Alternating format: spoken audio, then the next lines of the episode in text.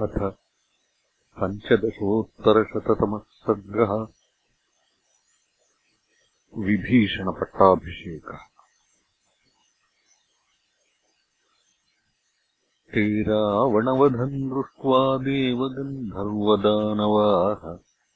जग्मुः स्वै स्वैर्विमानैः ते कथयन्तः शुभाः कथाः रावणस्य वधम् घोरम् राघवस्य पराक्रमम्। सुयुद्धम् वानराणाम् च सुग्रीवस्य च मन्त्रितम्।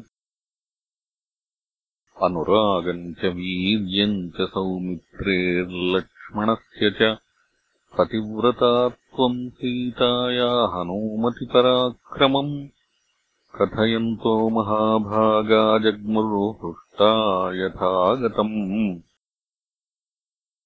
राघवस्तुरथम् दिव्यम् इन्द्रदत्तम् शिखिप्रभम् अनुज्ञाय महाभागो मातलिम् प्रत्यपूजयत् राघवेणाभ्यनुज्ञातो मातलिः चक्रसारथिः। दिव्यम् तम् रथमास्थाय दिवमेवारुरोहसः तस्मिंस्तु दिवमारूढे सुरसारथिसत्तमे राघवः परमप्रीतः सुग्रीवम् परिषस्वजे। परिष्वज्य च सुग्रीवम् लक्ष्मणेन प्रचोदितः। पूज्यमानो हरिश्रेष्ठैः आजगामबलालयम् अब्रवीच्च तदा रामः समीपपरिवर्तिनम् सौमित्रिम् सत्यसम्पन्नम् लक्ष्मणम् दीप्ततेजसम्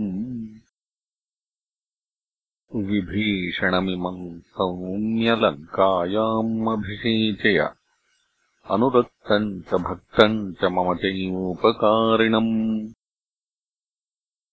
एष मे परमः कामो यदीमन् रावणानुजम् लङ्कायाम् सौम्य पश्येयम् अभिषिक्तम् विभीषणम् एवमुक्तस्तु सौमित्रे राघवेण महात्मना तथेत्युक्त्वा तु संहृष्टः सौवर्णम् घटमाददे तम् घटम् वानरेन्द्राणाम् हस्ते दत्त्वा मनोजवान्।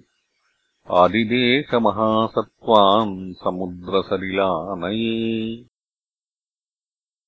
इति शीघ्रम् ततो गत्वा वानरास्ते महाबलाः। आगतास्तज्जलम् गृह्य समुद्राद्वानरोत्तमाः ततस्त्वेकम् घटम् गृह्य संस्थाप्य परमासने। घटेन तेन सौमित्रिः अभ्यषिञ्चद्विभीषणम् लङ्कायाम् रक्षसाम् मध्ये राजानम् रामशासनात्। विधिना मन्त्रदृष्टेन सुहृद्गणसमावृतम्। अभ्यषिञ्चत् स धर्मात्मा शुद्धात्मानम् विभीषणम् तस्यामात्याजहृशिरे भक्ता ये चास्य राक्षसाः।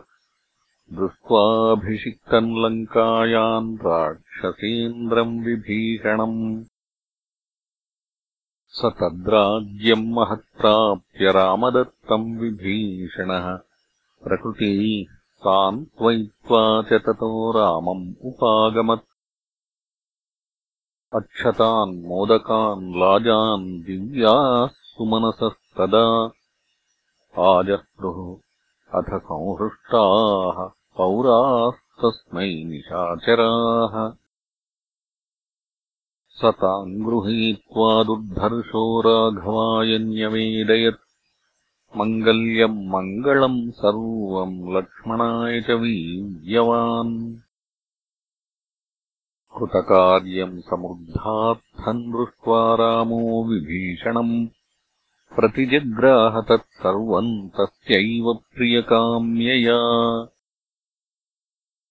ततः शैलोपमम् वीरम् प्राञ्जलिम् पार्श्वतः स्थितम्। अब्रवीद्राघवो वाक्यम् हनुमन्तम् प्लवङ्गमम् अनुमान्यमहाराजम् इमम् सौम्य विभीषणम्। गच्छ सौम्य पुरीम् लङ्काम् अनुज्ञाप्य यथाविधि। प्रविश्य रावणगृहम् विजयेनाभिनन्द्य च। वैदेह्यै माम् कुशलिनम् स सुग्रीवम् सलक्ष्मणम्। आचक्ष्वजयताम् श्रेष्ठ रावणम् च मया हतम्। प्रियमेतदुदाहृत्य मैथिल्यास्त्वम् हरीश्वर।